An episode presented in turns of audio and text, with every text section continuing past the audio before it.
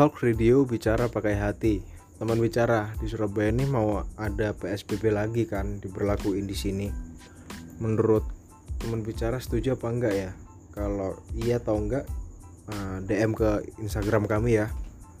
Baik, di sini udah ada yang DM username Ahmad Hamidan dia berkata nggak setuju bro gua sama aja yang namanya PSBB itu tetap bakal ada corona dan PSBB diberlakuin di jam malam pun itu bukan berarti kalau corona itu cuma ada di tengah malam.